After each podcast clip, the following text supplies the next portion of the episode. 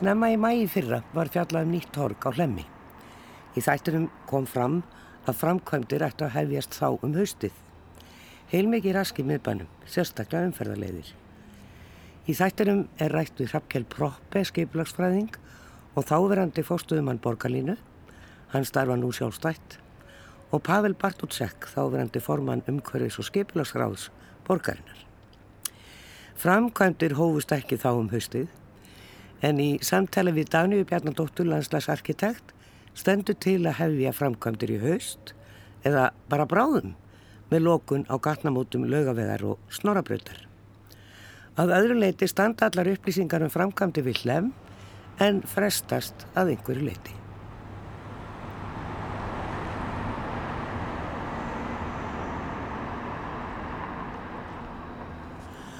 Á fyrirluta áttunda áratöðurins var ákveðið að færa miðstöð strætisvagnar Reykjavíkur að Hlemtorki.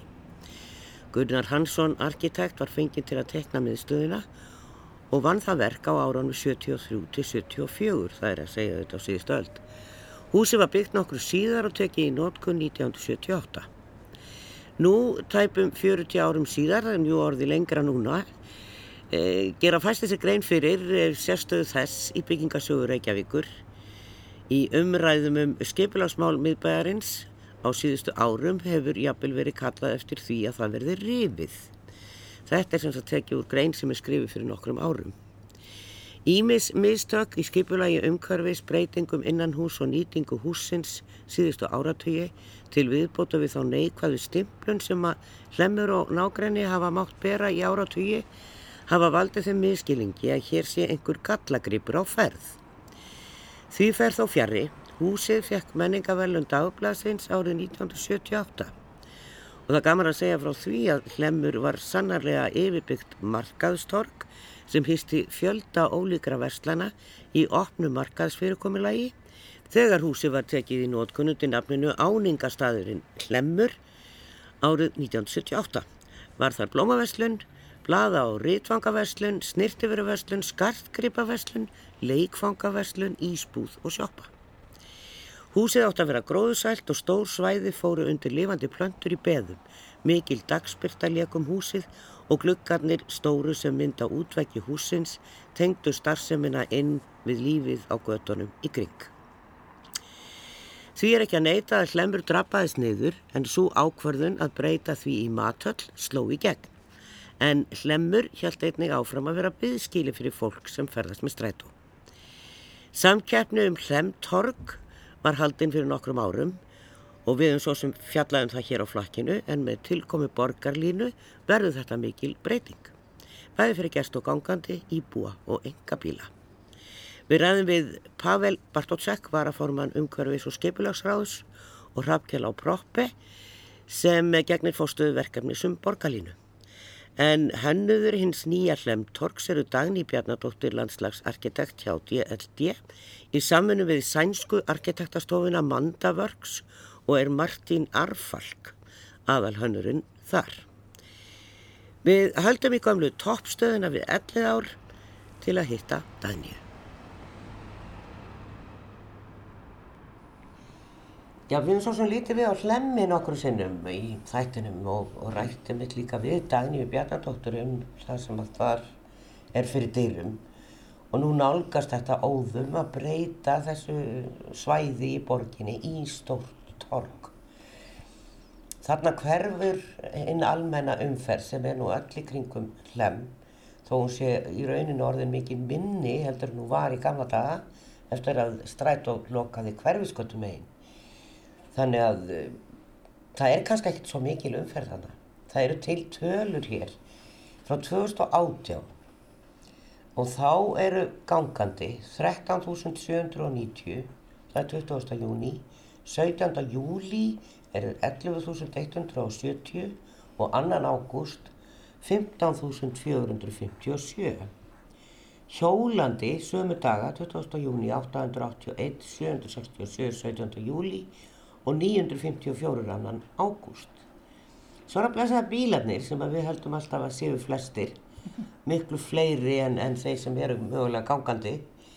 En þeir voru nú ekki fleiri en 2569, þann 20. júni, 2069, 17. júli og 2534 annan ágúst. Þannig í, í júni og ágúst er þetta sveipa margir.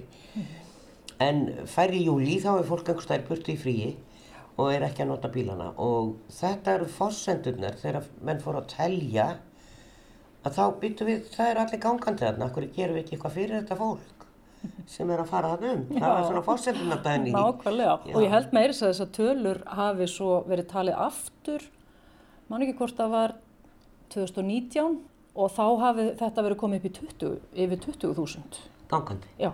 Já, en ég er ekki með þær fyrir framann mig þannig ég, ég þór ekki alveg að slengja fram. En það var allavega að þessar eru tölurnar hækkuð sérst fyrir gangand og hjólandi árið eftir. Við skulum og... fara inn á yfirlitsmyndina því að það eru, það eru ótrúlega margar teknikar til og útskýringar og haldinn langur fyrirlestur hjá borginni. Já. núna bara fyrir skömmu og fyrir íbúa á svæðinu. Það býr náttúrulega fólk hérna bæði á Rauðrástíð og upp eftir lögaveginum í Bríatartúni sem að og, og, og lögaveginum þeim megin í þeim, þeirri randbyggð en kannski neðan við hlem eru fáir íbúðar. Svo erum við náttúrulega með holtin hérna fyrir ofan sem eru fjölmenn byggð, þetta eru stóra blokkir þar fyrir ofan. Það lokast ansi margt en eins og þú segir. Já. Þú sagðir hvað? Já, ég, ég, hérna, ég er alltaf að reyna að benda fólki á í þessari umræðu. Það, það verður svo oft, samtali verður svo oft, gengur svo oft út á það að það sé verið að taka eitthvað frá fólki og það sé alltaf að missa eitthvað. En ég vil meina að við eigum, bara, við eigum að fara að horfa á mikið meira hvað þú ert að fá í staðin. Þú veist, ef þú horfur öll gæðin sem þú færði í staðin fyrir þetta eina bílastæði að þá held ég að menn verði ekkit í vafa um það hversu góð skipti þetta er. Bara umhverfisgæðin og eins og ég var að sína þér áðan hérna, verki sem við gerðum hérna á Hönnunamarsi fyrra þar sem við fókuseruðum líka á hljóðvistina. Þú veist hvernig það verður bara allt öðruvís að dvelja í umhverfinu og þú ferð með gróðurinnum fugglasöng og líf og þú heyrir sko aldrei í fólkin ekki bara eitthvað bíla nið og ég, það er svo, hérna, þetta er bara svo mikil meiri lífsgæði sem færð út úr svæðinu Já. og þetta sama á við með göngugötu umræðuna á laugavegi sem við veist engan enda geta tekið að þegar að fólk átta sig á því hvaða gæði það fær á móti eins og við vorum með þarna svona vinnustofu núna í tengslu við eh, hérna hönnun á göngugötu svæðanum og þegar fólk sér hvað er að fá í staðin það var engin að tala um bílastæði það talaði enginu um bílastæði á þessum vinnufundi.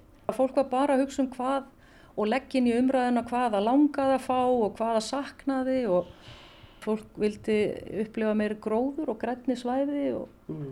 og svona er, mýgri og svona já, sem að halda fallega auðvitaðnum mann. Það er nú ekki gróður fyrir að fara á hlæmi eins og hann er núna. Nei. Þetta er bara steipa og þetta já. er bara strætisvagnar og bílar. Og, og svona, eh, það fyrir ekki þarna yfir götuna nema bara algjörlega eftir reglum og á ljósum.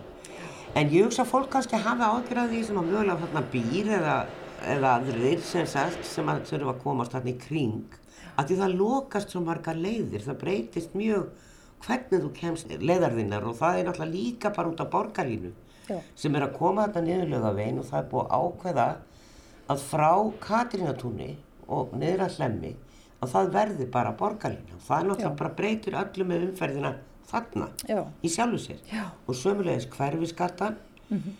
Að hún næri rauninni bara á snorrabraut og ég held að það sé nú ekki alveg búið að ákvæða hvort að verði einn axtursleið á hverfiskattunni og þá bara einstefna í aðra hvora mm -hmm. áttuna Já.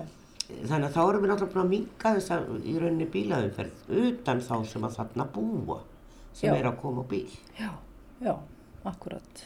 Við skulum flekta þess við það er Sko við erum alltaf með mathöllina og, og, og hérna ertu með svona götu kort hvernig Þetta er núver, núverandi umferðarskipulag sem er náttúrulega bara hálgerst umferðar káos svona og ótrúlega miklu fórnað bara til þess að örfáðu bílar geti keirt niður laugavegin svo náttúrulega strætó hann að keiri kringum hlem, það er nú alveg í lífsættustundum þannig að bara það.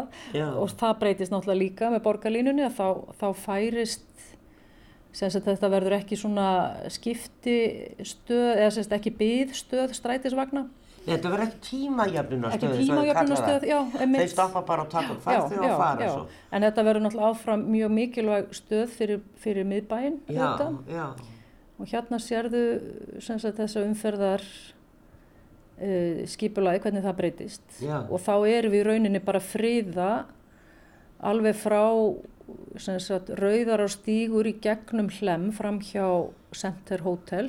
Það verður bara erindiskesla bara fyrir þá sem þurfa að koma vörur og, og aðfögg fyrir hótel og, og, og þess að þar og svo er það borgarlínan, hún fer ein og sér þannig gegn sko, þannig er ekki gert ráð fyrir bílaumferði gegn uh, semst norðan við hlemmin og síðan eru hérna, húsagötunar eru fóðraður í rauninni út frá hliðargötu og inn í, inn í svæðin það er svona ja. prinsipið já.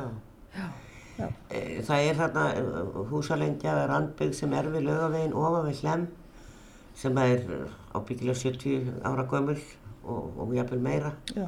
E, þetta eru þryggja hefða hús mismunand á litin, svona svona -hmm. skemmtilega skraudleg skraudleg hús og, og þar er lagt beintur í framann húsin E, ekki veit ég hvað eru margir bílar þarna en, mm -hmm. en, en það er sjálfsagt meiri höfuverku fyrir borgarlínu heldur en ykkur Já. sem eru að hanna torg. Þið eru náttúrulega ekkert að að leysa þá gáttu hvert þessi bílar er að fara. Já eins og ég saði við þig á þann að ég, mér langar svo ofta að vitni Jan Gjell þegar hann var spurður að þau, þau hérna tóku bara bílastæði markvist út úr miðjukaupmanafnar og breyttu í torg alveg svo við erum búin að gera við óðinstorg að mínum að þetta er mjög vel hefnað að þá var hann spurður einhverju fundi á og hvað ætlaði að gera við bílana?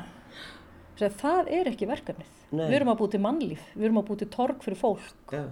og fara með eittan bara þeirri spurningu. Ekki svara þessu. En, en margir segja bara nógu mörg torg af því að já. þá hefur við líka möguleika á að ganga meira já, og geta sest niður og kvisti ef fólk þarf þess og er kannski, getur ekki gengið langan spátt í einu Þannig að það er um að gera að hafa bara nógu marga kvildastæði já, já. Og, og, og þá kannski mögulega geta að fengið sér kaffebotla eða eitthvað. Hvað ætla að gera á þessu torki?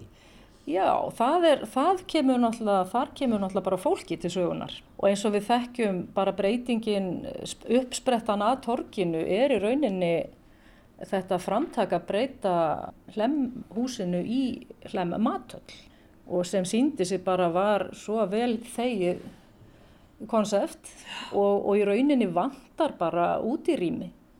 Það er ekkert torg til dæmis þar sem þú getur farið út með, með góðu móti með hérna, matiðin eða kaffið og, og við gleymum því svo oft hérna á Íslandi. Við höldum alltaf að veðrið sé svo vond en það eru bara ótrúlega margir og dýrmætti dagar þar sem þú getur setið úti og og notið hérna veðursins sem er svo mikilvægt líka. Það er kannski það að fólk er svo vant því að, að ef það setur úti og þá er það á stuttarmaból og stuttbuksum en það er alveg hægt að setja úti bara í sílbuksum og, og, föðurlandinu og í úlpu með húu. Og með teppi og lampa og allt með það sko.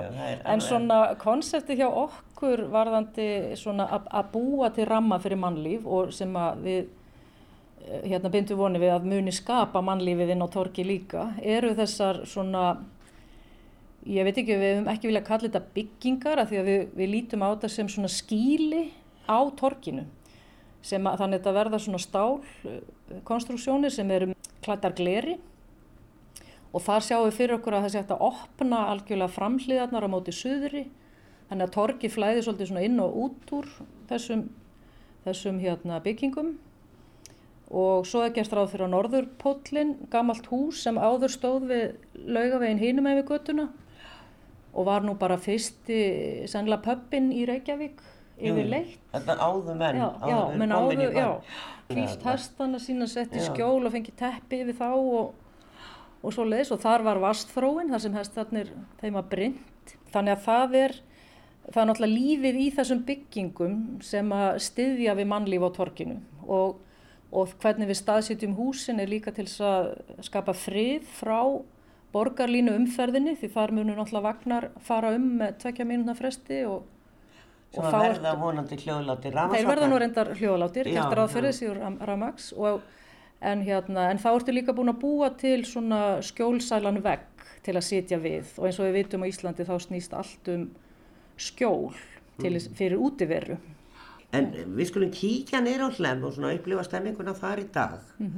Það er svo margt að fara að breytast. Þetta er alveg á fullu í hönnun þegar svona nánast sé ég bara búinn að Já. hanna þetta. Já, við erum núna, er, reyndar, erum við að fara inn í, þetta var kallað forhönnun, við gengum við mjög, mjög langt í þeirri forhönnun, en núna er komið teimi, sem það var bóðin út, verkfræðileg hönnun var bóðin út, FFSO er núna komið inn í teimið með okkur að leysa verkfræðilega þætti, varandi lagnir, við ætlum að vinna með ofanvarslausnir og, og erum búin að hugsa það mjög mikið í gegnum fyrir hérna, forhönnunina. Og núna förum við að útfæra þetta með þeim með, og það er stór pípa hérna, fráreinsislögn sem þarf að endur nýja og fyrir gegnum svæðið hún er aðeins að va- valda okkur smá vandraðum sem Já. við erum að reyna að leysa hérna með húsið sem geti mögulega að því við viljum endilega skapa þennan vegg þennan skjólvegg í já, við, sem er næst þá hérna hlemmi mathöll og hér kemur þessi pípa í gegn og við erum núna að skoða hvert við getum haft svona ákveðin kjarna fastan en svo geti húsið vaksið sem sagt verið dreigið yfir pípuna þannig að ef, ef að þarf nöðsynlega að komast í þessa pípu þá sé fljótlegt að, að hérna opna húsið og komast í hana já. af því þetta er svolítið líkil staðsetning gagvart líka hlemmi mathöll að búti skjól og setsvæði inn á móti torkinu og hérna sérðu, hérna er hesturinn hann talandi um hesta færa. burðar, burðarklárin með, með fólaldið, hann, hann fær að vera hér áfram á torkinu á nýjum stað. Hlemklukkan gamla sem margir mun eftir, Hún kemur hún aftur. kemur aftur og svo kemur norðurpólinn aftur sem áður var hínum með göttuna, sögulegt hús. Svona bara kannski í lokin á þessu viðtali. Sko hvenar fara framkvæmdur í gang? Já, það er nefnilega alveg mjög góð spurning því að eins og sér þá þurfa ansi margir líkil þættir að breytast áður en hægt er að fara að klára torkið en það er ráðgert samt að taka uh, sannlega í haust bara hérna fyrsta kaplan af laugaveginum upp að hotni hérna. Frá Snorrabraut og upp að hotninu af því nú er það er ekki ennþá, strætón er ekki ennþá farin sem sagt það þarf ennþá að geta keirt þennan ring í kringum já, og svo já. náttúrulega á eftir þetta verður alltaf gerast í réttri röð sko, þú veist, með að hérna færa til umferðina, breyta að þetta verður nú mjög líklega í einhverjum áfengum, jafnvel gert. Já, gæti verið að byggjast upp á einhverjum ég Einhverjum veit árum. einhverjum árum myndi ég að halda Þannig að þetta er svona keðju, þetta er svolítið svona keðja af hlutum sem þurfa að gerast í réttri röð. En ég ger, bindu nú sterka vonið við að þetta geti nú kannski verið að gerast á næstu, hvað ég verið að bjart sín, fjórum, fimm árum.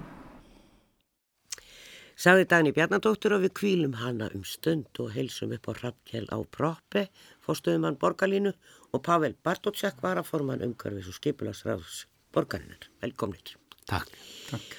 E, það kom mér virkilega óvart þessar tölur um hjólandi, gangandi og keirandi. E, hvað þetta munaði miklu, hvað voru miklu fleiri að ganga hjóla heldur en að keira bíl. Samt finnst mann alltaf að vera stöðug umferðarna en það er náttúrulega mest strætó. E, hvað segir um þetta? Er þetta, e, sko hún sagði að það hefur verið talið aftur, þá voru þetta fleiri. Er þetta eitthvað sem við erum að skoða? Við erum alltaf með alltaf bestu upplýsingarnar um bílana en sem betur fer eru alltaf að bætast við í talningagrunna fyrir, fyrir bæði hjólund og tilfelli er að það er bara sama minnstur hér uh, í Reykjavík og, og, og við sjáum í, í, í nágrannaborgum okkar að eftir því sem kemur meir í, í miðborgina sjálfa Já, að þá eru miklu fleiri gangandi.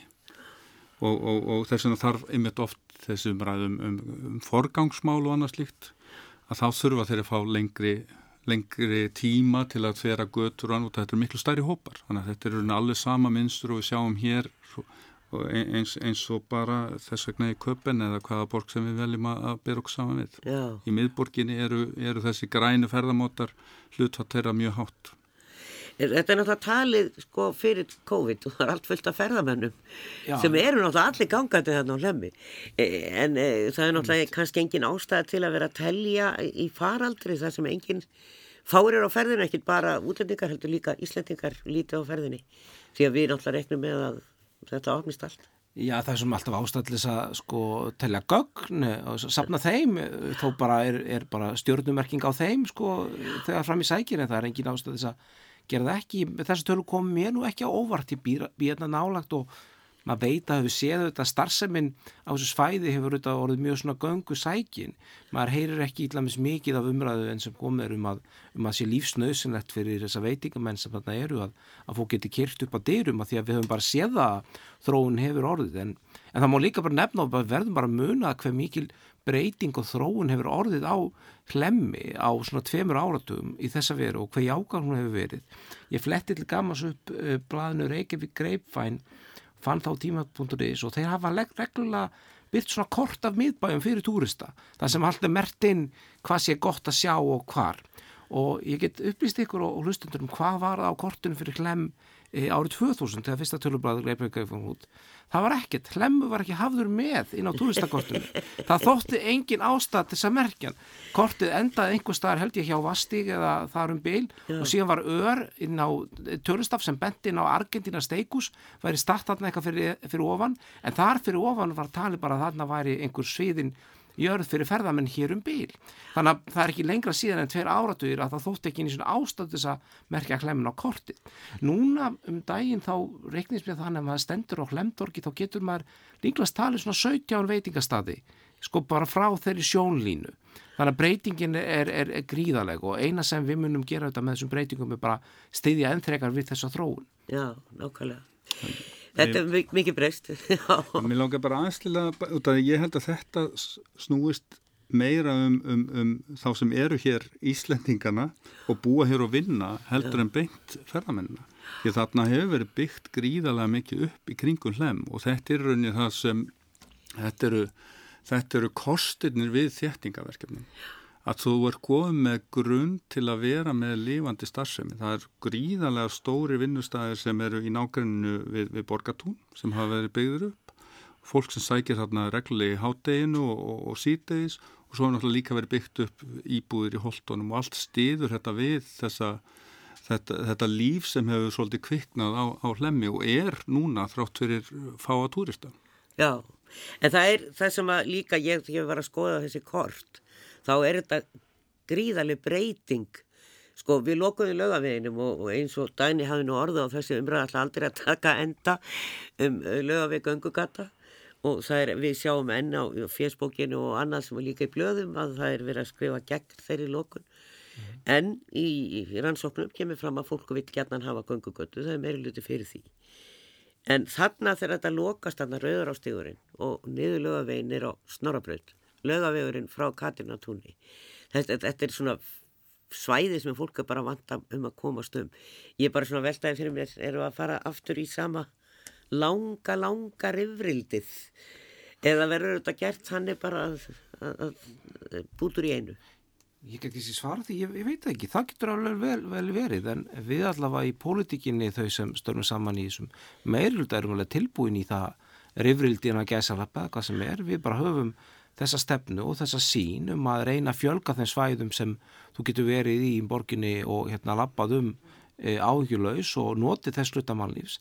E, ég er endar held að þetta sé kannski aðeins annars eðlis að því að mögulega því að sko, umferða skipula auðvitað í kringum lem í dag er kannski ekkit draumur í dós fyrir marga hvort sem er og það kannski skýrist einhverlega þetta því að við erum ennþá að einhver leiti með vinstrumferð í kringum hlem og maður sko kemst aðeins maður hugsa eitthvað um það við vorum þetta með þetta fyrirkomlag einu sinni þar sem e, laugafögun var hérna, einstefna niður og hverfiskata einstefna upp og þetta fylgóð sem meikar sens í vinstrumferð Já. og síðan smitaðist það inn á hlem og svo þegar að hérna reynir hægrum fyrir að breytt þá var umferða fyrirkomuleginu ekki breytt. Þannig að við keirum enn þann vinstramegin við hlemmin en ekki hægramegin eins og ætti að gera í vinstrumferð þannig að gera ver verkum að það er svolítið oft svolítið rugglaður og er þeirra umferð sem gera, koma hínum megin frá í hérna aldrei þessar umferð. Þetta myndur að heyra svolítið sögunu til vegna þess að við fáum þá bara í rauninni risastórt svæði fyrir gangandi og hjólandi vegfærendur og síðan einn ás í gegn sem er fyrir þá borgarlínu og, og svona stór og góðu stígu fyrir hjól. Já, hvað segir þú Hrafgjörn? Þetta er mikil breyting en eins og ég segi ég ger nú ráð fyrir að þetta verði ekki allt gert á einu bretti.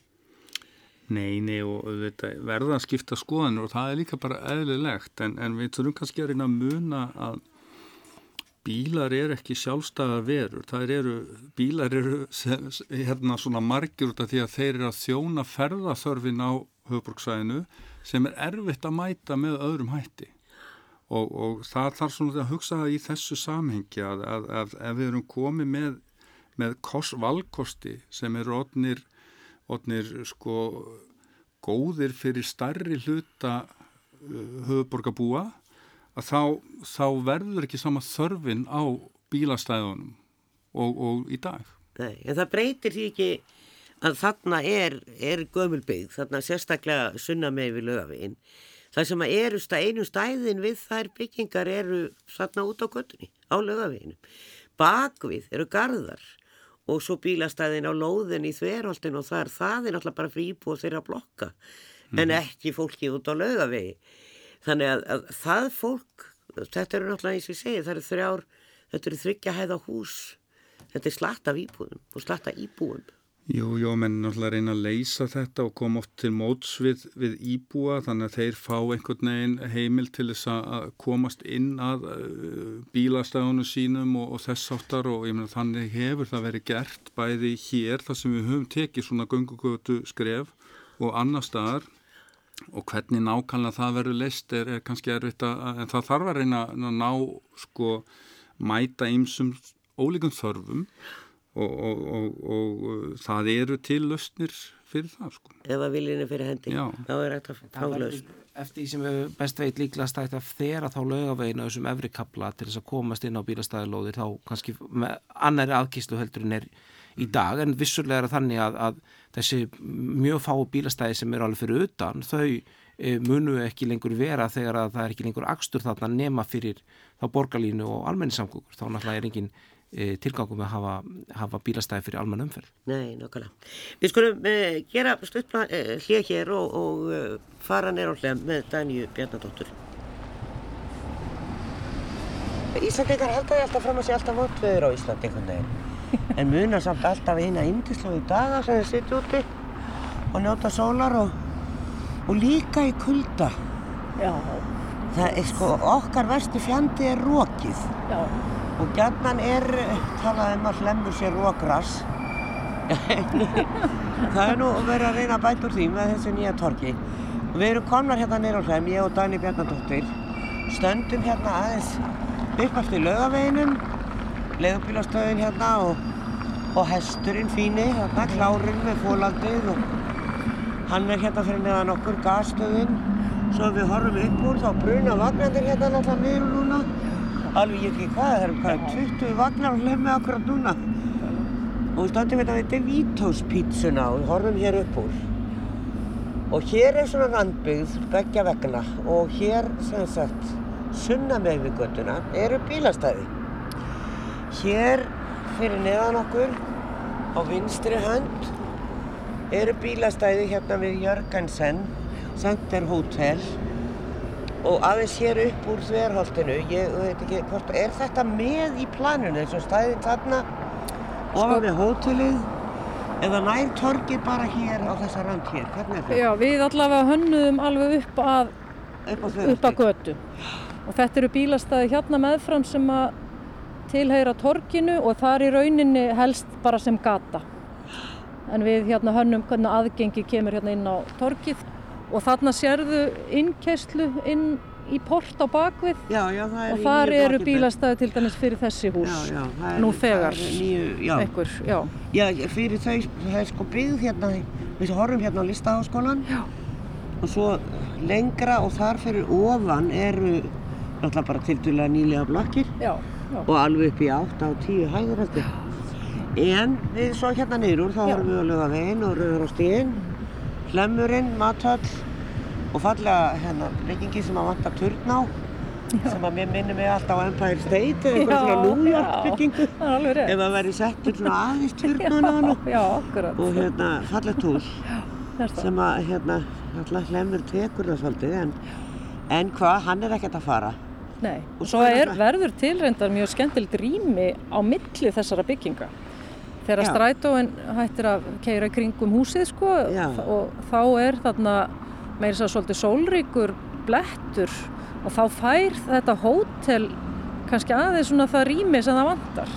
Já, sem að verða megin, þetta- sko. Þetta verða íbúður, það er sækjum leiði frábært, sko. um Já. að breyta þessu hérna, farfuglaheimili eða hosteli Já, í íbúður. Já. Ég veit ekki hvað það mástendur en já, einmitt. þetta er náttúrulega gríða stórt torg. Þetta er þeirra stærsta torgi í Reykjavík. Þetta er hérna bara stærsta almenningsrými sem er verið að hanna í borgin í dag, alveg klárlega. Já. Miðjan svona sem, svona til þess að hugsa um skalan, þá er svona miðsvæðið í torginu er svona daldi rúmlega ingólstorg. Svona, svona, má segja svona hjartað í torginu. Já, já. Svona inn á milli byggingana hérna.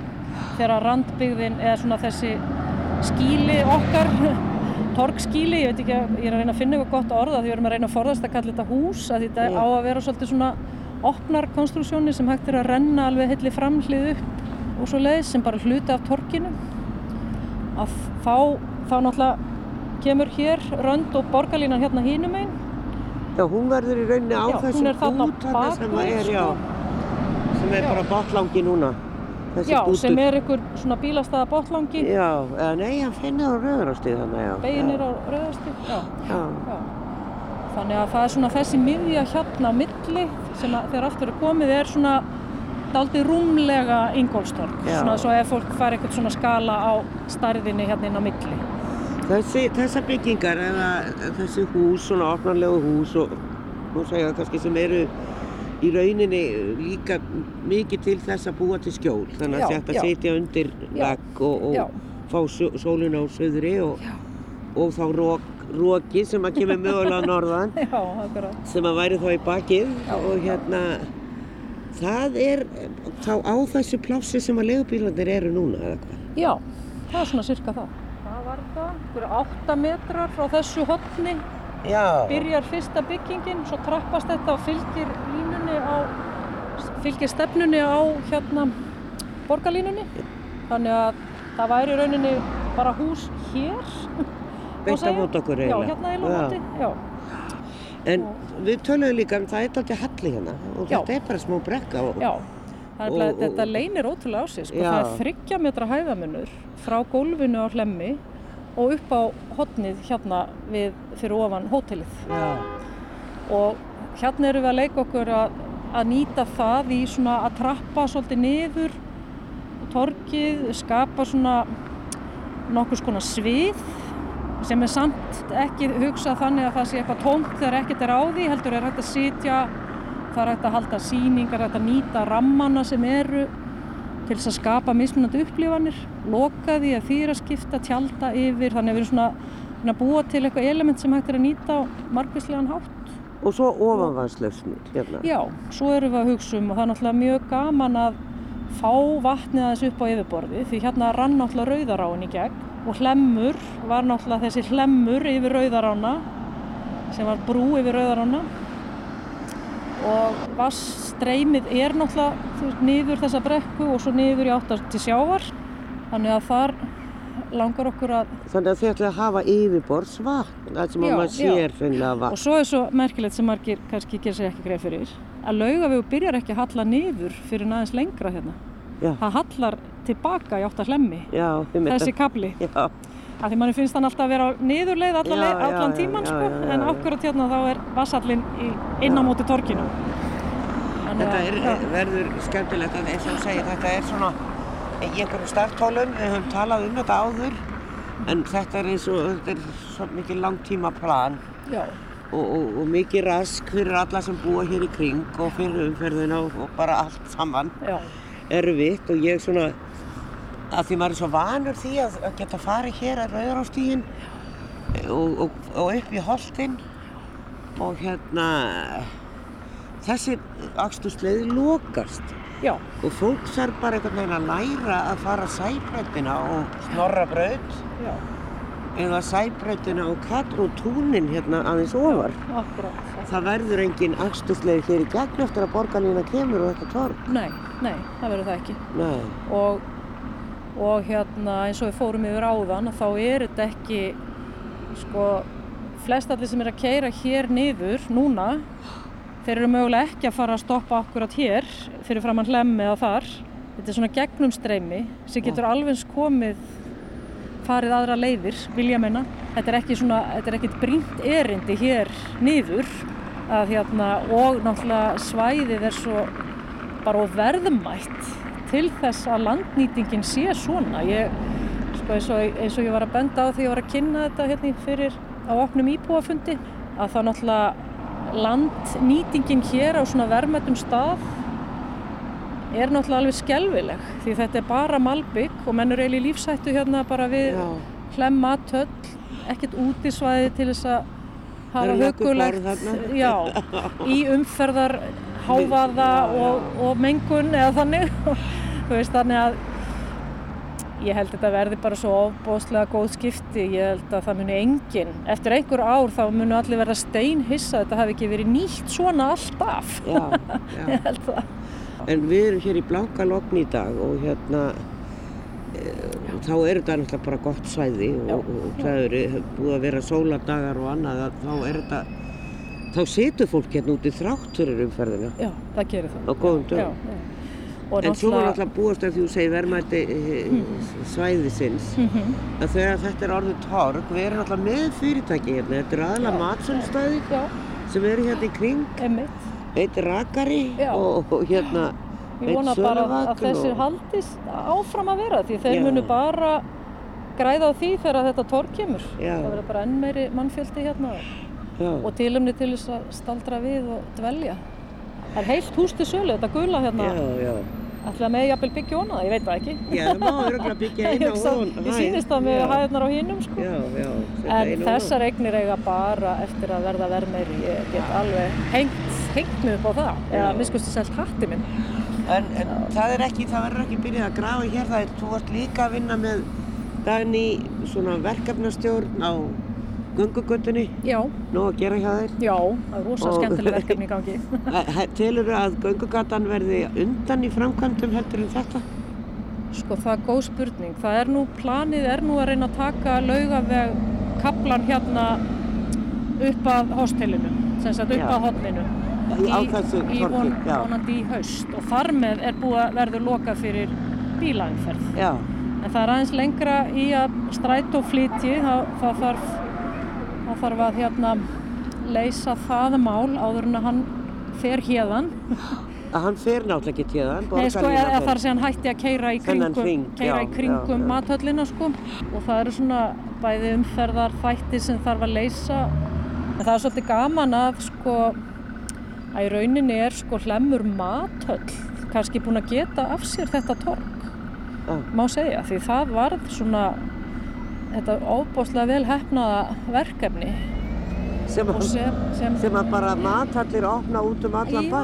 já. og inn í vestluramiðstöðum og hvað veit ég það, ef, það er líka við að segja ef að veitingastæðir opnar þá er það matöll og hérna virðist vera gríðilega vinsælt og fólk getur þá ef að fara saman út að borða hver velur sér sitt. Já, og hérna það býður upp á ímsa möguleika þannig að þetta sló aldrei í gegn hér og svo þegar hérna svo kemur náttúrulega Norðupólinn hann er náttúrulega svolítið að tala við þessi gamlu hús hérna á baki, bakvið Já, og var auðvitað elsta, elsti bar á Íslandi.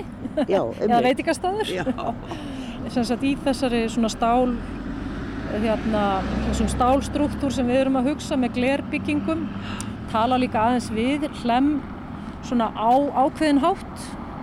Það er hérna sem sagt með bara gegnsara Já, akkurat en, en Martín, þessi sem að vinna með þér já. og er í, í Svíþjóð? Já, Mandavörks heitir stofan Já, að, já. Það er, þið eru í stöðum samskiptum? Já, við sem sagt við deildum fyrstuverlunum í þessu samanbyrðarkeppni sem var haldinn og tókum ári að spyrða saman okkar tillögur eða, eða koma með nýja tillögur kannski má segja. Já, við erum búin að vinna því í þessari fórhönnun læra að vinna saman, við erum bara mjög gott heimi og bara nýtum þekkingu hvers annars vel og, og það er ákveðin lærdómi líka að, að hérna fara í gegnum sko, að, að vera með tvær ólíkar tilugur, einhver leiti líkar kannski en líka ólíkar. Og að þurfa svona að, að raugraða sér gegnum það hvernig lendingin er því og bara eru mjög ána með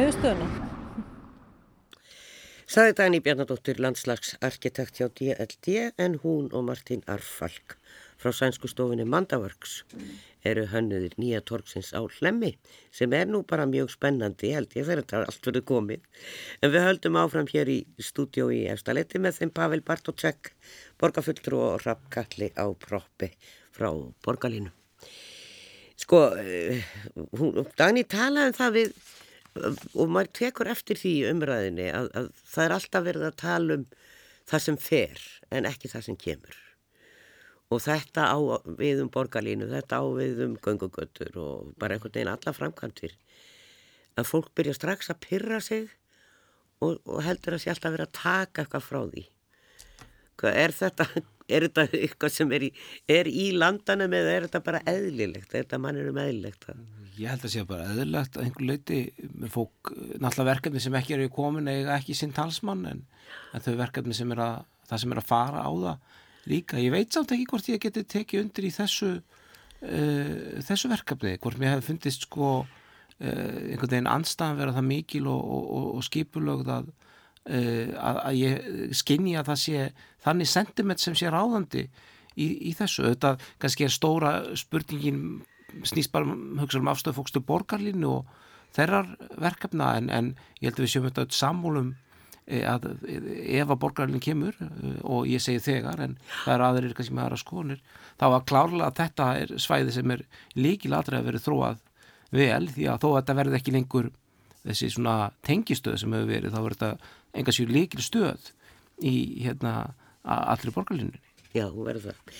E, sko, hann saði ef, en, en leiðir þetta sig þegar, mm. það er nefnilega til fólk sem að, og ég heyri þetta bara mjög gætnan, hún kemur aldrei og hérna, og átt að segja því það verið að vinna fulli í verkefninu, það er stutt síðan að þið voruðum þetta með áfangarskíslu Jú, jú, og við erum bara, og þetta er á, á öllum plönum og, og við höfum í rauninni ekki aðra heimild en að bara undibúa þetta verkefni í samkvæmt plani. Þetta er komið inn á, á samgöngu áallun og, og með skýrskotun í samgöngusáttmálan og, og allar þær samþýtti sem er á bakvið það.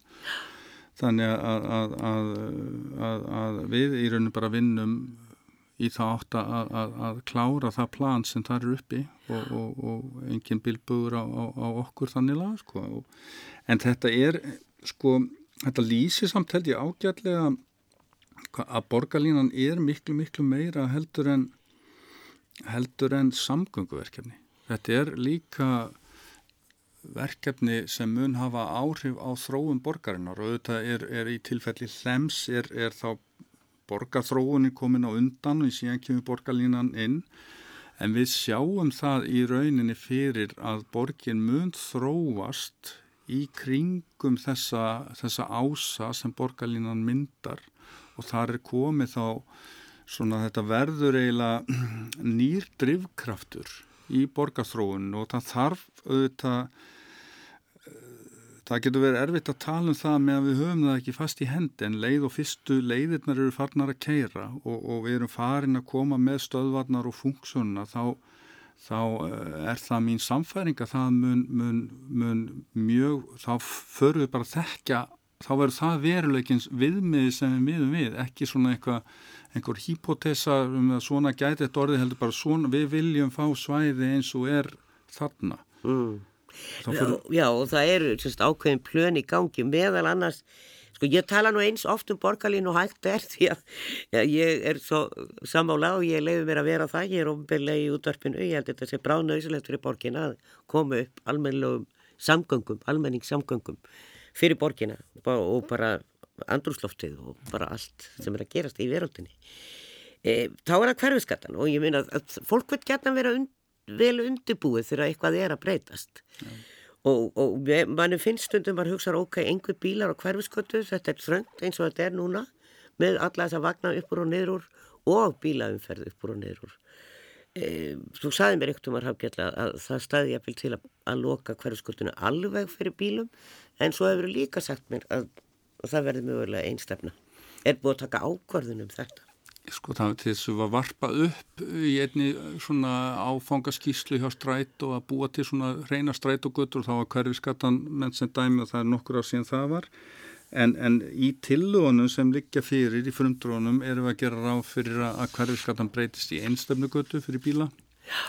Uh, og að bílastæðin í götunum, í götunni sjálfur munum víkja og þannig kemur meira pláss og þá bætist aðstæður fyrir gangandi og hjólandi og í rauninni all, all þessi smátæki örflæði sem við sjáum spretta hér upp eins og gorkulur út um alla allt höfuborgarsvæði Já. þannig að allt þetta þarf sitt plás Já, það er mikið rétt. Og líka bara þess að séu öru. Mér langar ekki bara aðeins að bæta við að því að Já. sko það hefur verið, þessar tillögum borgarna hafa verið rýndar af, af verðlendum ráðgjöfum en að sjá BRT plan ráðgjáðstofunni og þá voru þeir svona að meta hvað við getum gert til þess að gera þetta jafnvel betra, setja því svo kallan gullflokk með að við BRT plön og þess bara geta tillögum þessu eru, eru mjög metnafullar, við erum að leggja til 5 km serjumum sko frá Árdushöfðu og alveg nýður að Hlemtorki en það þarf undir ekkit mjög mikið til þess að gera sko, borgarinn næstu alfari að sérjumskot og til þess er hverfiskatan e, ákveðin leikil e, leið, núna er í plönum gert ráð fyrir að þarna verið bara einstefna. En ég hef sjálfur sér sko verið hrifin að því allavega hjóða þann möguleika upp á framtíðina eða að skoða með opnum huga hvort við getum jafnvel gengið þá ennþá lengra og gera göttuna að borgarlínu göttu fyrst og fremst. En heimilega hugsamlega einhver lokal umferð í aðra átt fyrir þá íbúa þá sem eitthvað erindin en, en að sko hönnunin og upplifunin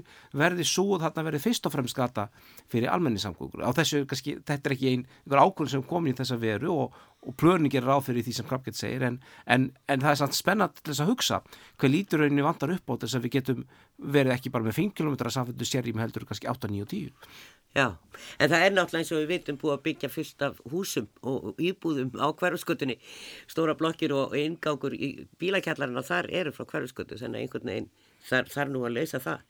En uh, við myndumst á mathöll, uh, hún vildi meina það á dag, uh, dagni að, að það hefði jafnvel verið mathöllin sem að íttu þessu út í þá hugmynda að gera bara þarna stórt og gott torg. E, mathallinnar spretta upp núna, það er ein út á Granda, það er ein upp á Höfða, það er ein inn í Kringlu, það er ein á Hlemmi, svo las ég að það var búið að opna í Borgatúninu og, og nú ætti gamla pósthúsið að verða mathall. Mm. Er þetta dilla eða er þetta, svona, þetta er náttúrulega ekki svakalega dýrmatur yfirleitt í svona mathall. Nei, hver hefði haldið það sko fyrir 10-15 ára og með eitthvað satt sko að það sem Hlemmur þarf til þess að breytast er vínveitingarlefi. Það hefur líklegast ekki verið mjög margi sem hefur tekið undir það en það reyndist vera niðurstar. En auðvitað, ég verð líka að segja, þetta hefur þessi ferðamanna bransi hjálpað heilmikið til. Það hefur svona hjálpað til þess að fólk hefur svona sett sérna hugmyndur um, um framleiðslu og mat og á aðeins annar level og við, mér finnst þið sjá miklu metnafyldri hérna, uh, mikil metnað í matargerð á Íslandum á Hlemmi erum við með stað sem hefur fengið misjælum viðkynningu sem er skál og, og það er bara alveg rosalega gaman að sjá þetta og ég, þetta er svo sem uh, hlakkalega til. Það er kannski eitt kostur því að búa í þéttri borga maður þurfi ekki alltaf að elda sjálfur. Já, og þurfa kannski ekki alltaf að fara inn á dýranstað nei, nei. og allir vilja ekkert endilega það sama þannig að, en svona, hún vildi meina að það geti skapa torg, við myndum fá mörg torg eitt við borgatúnu og, og kannski er þið postustrættið og austustrætti loksins að göngugötu sem var nú upphafið að 1987 og þetta ætti alveg að vera göngugötu á sínum tíma. Ég held að við munum alveg fylg, við fylgjum yfirleitt alltaf sömu allsvöluðu trendum og, og annar staðum. Stundum erum við í humáttinu og eftir og bara alveg eins og nefndir þessi, þessi ef við erum ómikið að horfa á, á hérna, vandamálinn sem fylgja þessu ég meina það bjó fólk við striki sem var þurft að fara þar á sínum bílum sko á, á 8. áratögnum þegar við tekinn ákveðum að breyta því í, í göngugötu og í öllum þessum hlýðagötu sem hafa orðið alveg eins og Dani nefndi með, með hérna, verkefni hjá Jan Gehl á sínum tíma þú veist, auðvitað er það áskorun á þeim tíma menn bara komast yfir það Já. og það munum við bara alveg skýra hér Já, nákvæmlega. Þetta verður spennandi, en þetta er eitthvað í þetta, uh, Pavel, planið, svona þegar þið, svona í lokin, planið þegar þið eruð að sitja og ræða þess, öll þessi máli í borginni, Já. umferð, borgarlínu, þjætting og bara ný torg, hvað hva, hva er það að tala um? Mörg Já, ár? við erum að tala um að, sagt, að lögavegurinn þarna á milli snorrabrautar og reyruastík, það sé jafnvel núna í haust. Uh, við erum alltaf að klára partin af, af uh, rauðastíknum hana neðar uh, núna sem er svona partur af þessu. Síðan sjáum fyrir að það verði stóra ár mikla framkvæmdir og þessi rauður og allar þessar veituframkvæmdir það verði gert uh, næsta sumar. Það sé ekki núna heldur þar næsta 2022 um vorið mun það hefjast og hérna og, og svo kannski er, er þessi senasti partur sem lítur að því að tilfæra stræt og og gera þá kraftið borgarlínu það er kannski einhvern veginn ára eftir það. Þannig að við erum samt að horfa á sko 2023-2045 verður komið nokkuð stork mynd á þetta. Þannig að við erum ekki að tala um hérna 2040 eh, ekki, ekki 2040 Nei, það er gott. En við komumst ekki lengri í dag. Pavel Bartótsek, borgarfylgtrú og Rafgjell á proppi frá, frá borgarlínu, þakku fyrir. Takk svo þess